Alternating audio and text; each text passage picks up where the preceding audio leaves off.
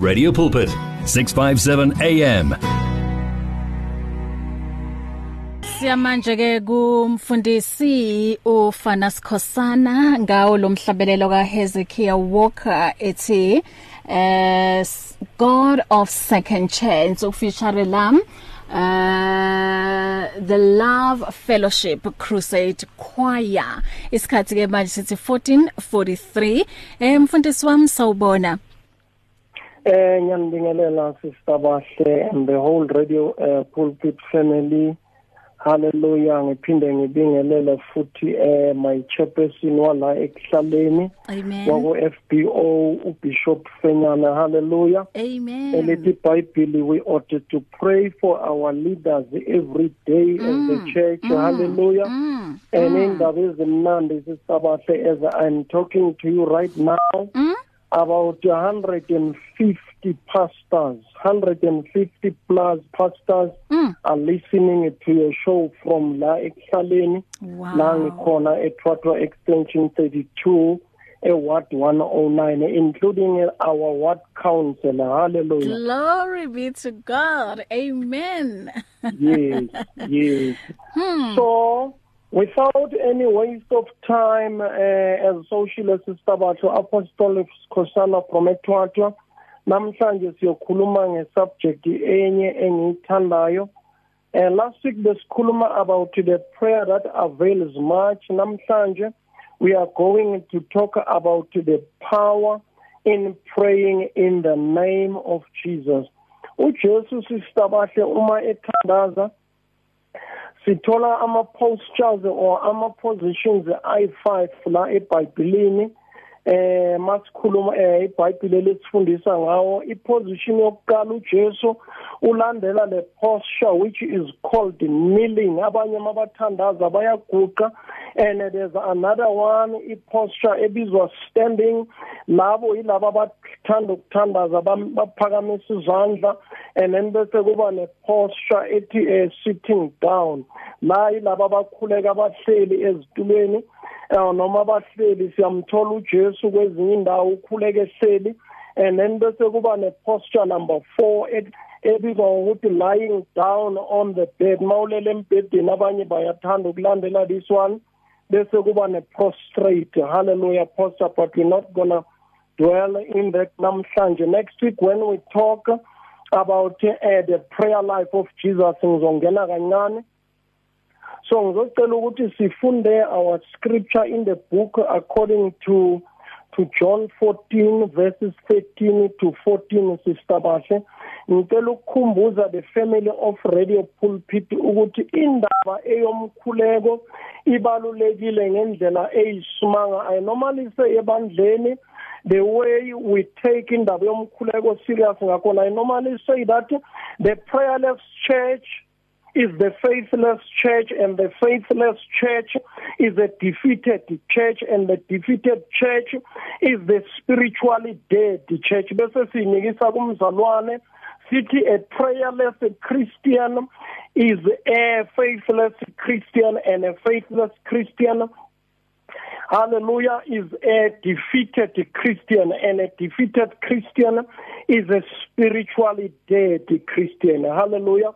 Siyafunda ke la ku John chapter 14 verses 13 to 14 uJesu la ukhuluma nabafundi uthi la uJesu and whatever you ask in my name that I will do sisibahle ngiyamthanda uJesu la ngoba usifundisa ukuthi konke esikucelayo we should pray we should ask it in the name of Jesus or in his name.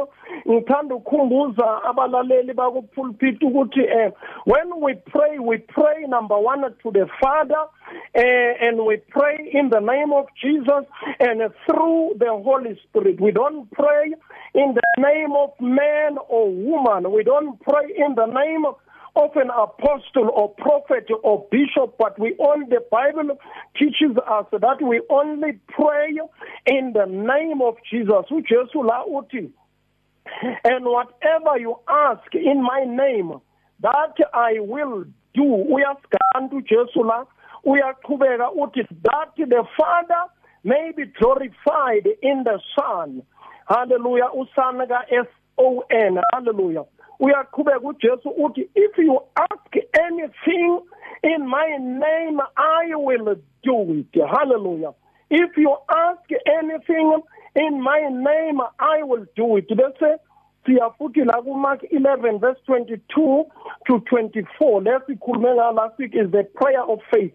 Uthi uJesu la ku Mark 11 22 to 24 lithi la iBhayibheli so Jesus answered and said to them have faith in God hallelujah. Uthi in God not in man or not in a church but in God him alone. Bese Jeremiah athi blessed are those whose trust is in the Lord not in man. Uyaqhubeka uJesu la uthi have faith in God. For assuredly I say to you uyasigaranta futhi uJesu one man of God he said two weeks ago when God repeats the same thing twice to us there is a message he is sending to us as the believers of Christ. Uthi uJesu la I say to you whoever says to this mountain be removed and be cast into the sea and does not doubt in his heart but believes that those things he says will be done. Hallelujah. Uyaqhubeka uthi he will have whatever he says. Therefore uyaqhubeka uthi therefore i say to you whatever things you ask when you pray believe that you receive them and you will have them. Asibone iexample la eyaka eh the prayer of Jabez. Esithola la ku 1 Chronicles chapter 4 verses 10 ithi la 1 Chronicles chapter 4 verses 10 ithi la and Jabez called on the God of Israel saying oh that you will bless me indeed and enlarge my territory that your hand will be with me and that you will keep me from evil that I may not cause pain. Iyangichaza la egcinene ithi so God granted him what he requested. uJabez la ucela izinto ezifo kuNkulunkulu. Number 1 uthi bless me. Number 2 uthi enlarge my territory. Number 3 uthi keep your hand upon my life. Number 4 uthi keep me from evil that I may not cause pain. So sister Batha I don't know ukuthi umlaleli lapha ekhaya ulalele ucelane kuNkulunkulu. Hallelujah omunye maybe is asking for a cat omunye maybe is asking for a dog omunye maybe is asking for a car omunye for for a house omunye for a spouse. So whatever you ask for believe that you have received it and you shall have it. In our church this year what we are praying and trusting God for is God to open a massive yes a great and effectual doors yes to preach the gospel of Christ. And siyamthemba ukuthi as the church sicela sikholwa uzosivulela ama platforms to preach the gospel. Hallelujah. To the lost Christ. Bazalwane it is important to understand that God does answer every prayer. There are different answers to each request. Sometimes the answer kuNkulunkulu will be yes. The answer could also be no and the prayer could also be answered later on or after a long period of time has elapsed. Hallelujah. So bangcwele uNkulunkulu muhle uthembekile ngeinkathi zonke asihlalene kuye ene masiya kuye siye sifocus siye sazi ukuthi sicelane hallelujah mhlambe lapha ekhaya ngilalele eh sizokhuleka manje ukuthi uNkulunkulu akusize ifavor yakhe ihlale phezulu kwakho negrace and honor. Konke lokhu omthemba kona haleluya kube accomplished ngegama lika Jesu eh sisazokhuleka. Baba siyabonga.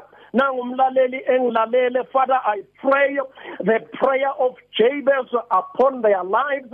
I pray mark 11 verse 22 to 24 i decree and i declare under this anointing oh God that they might receive they might have whatever they ask you and trust you for in Jesus Christ's mighty name. I bless your holy name. Hallelujah. Mhlawumbe umlaleli uthi mfundisi apostle Sikhosana ma ufuna ukuthola utholakalaphi inamba yethu? 084 730 6764 084 730 6764 eh siyatholakala ku WhatsApp na ku na noma usifonela kani email ufana sikhosana@gmail.com and what our our Facebook page is Acts of the Apostles House of Fellowship. Thank you, Sister Bafia, and you. Uh, all of the Radio Pulpit family. May the good Lord richly bless you, and I love you always with the love of the Lord. We Amen. love you. We love you so much mfundisi and thank you so much ukuthi usiblesse ngalamazwi nanokuthi usikhumbuze ekutheni unamandla umkhuleko nanokuthi njengoba izwi lisho ukuthi singa singayeki ukukhuleka so kusho ukuthi ilapho ngempela sithola khona amandla eh indlela futhi sikhuluma nayo noNkulunkulu and uma siloko sixoxisana naye sizomazi kabanzi and eh, you know sizokwazi nokundlulisela kuyena idingo zethu siyabonga kakhulu mfundisi ngicela uphinde inamba yakho la utholakala khona songs in a row kodwa ngaphambi kokuthi siyithole angindlule ngala Radio Pulpit understands that praying alone isn't always easy. So join us to form a chain of prayer for you and with you. To send in prayer requests, contact 067 429 7564 or alternatively email us on prayer at radiopulpit.co.za. You're at 657 AM. Radio carrying 24 hours a day. Radio Pulpit understands that praying alone isn't always easy. So, join us to form a chain of prayer for you and with you. To do so, send in your prayer requests on 067 429 7564. That is 067 429 7564 or alternatively email us on prayer at radiopulpit.co.za. That is prayer at radiopulpit.co.za. If you need prayer, please send your request to prayer at radiopulpit.co.za or WhatsApp 067 429 7564 or go to Radio Pulpit website on www.radiopulpit.co.za. Reach your customers in the car, at the office, at home, or wherever they are, night or day. Through advertising with Radio Pulpit, you can reach a large, unique, and loyal audience in a most affordable way. With over 500,000 people on our various platforms, from Gauteng to the Cape, you simply cannot go wrong. So advertise today. Contact us on 012 334 1339 or for advertising packages that we offer, go to www.radiopulpit.co.za. Terms and conditions apply. You and 657 AM and life, a winning team on the road to eternity.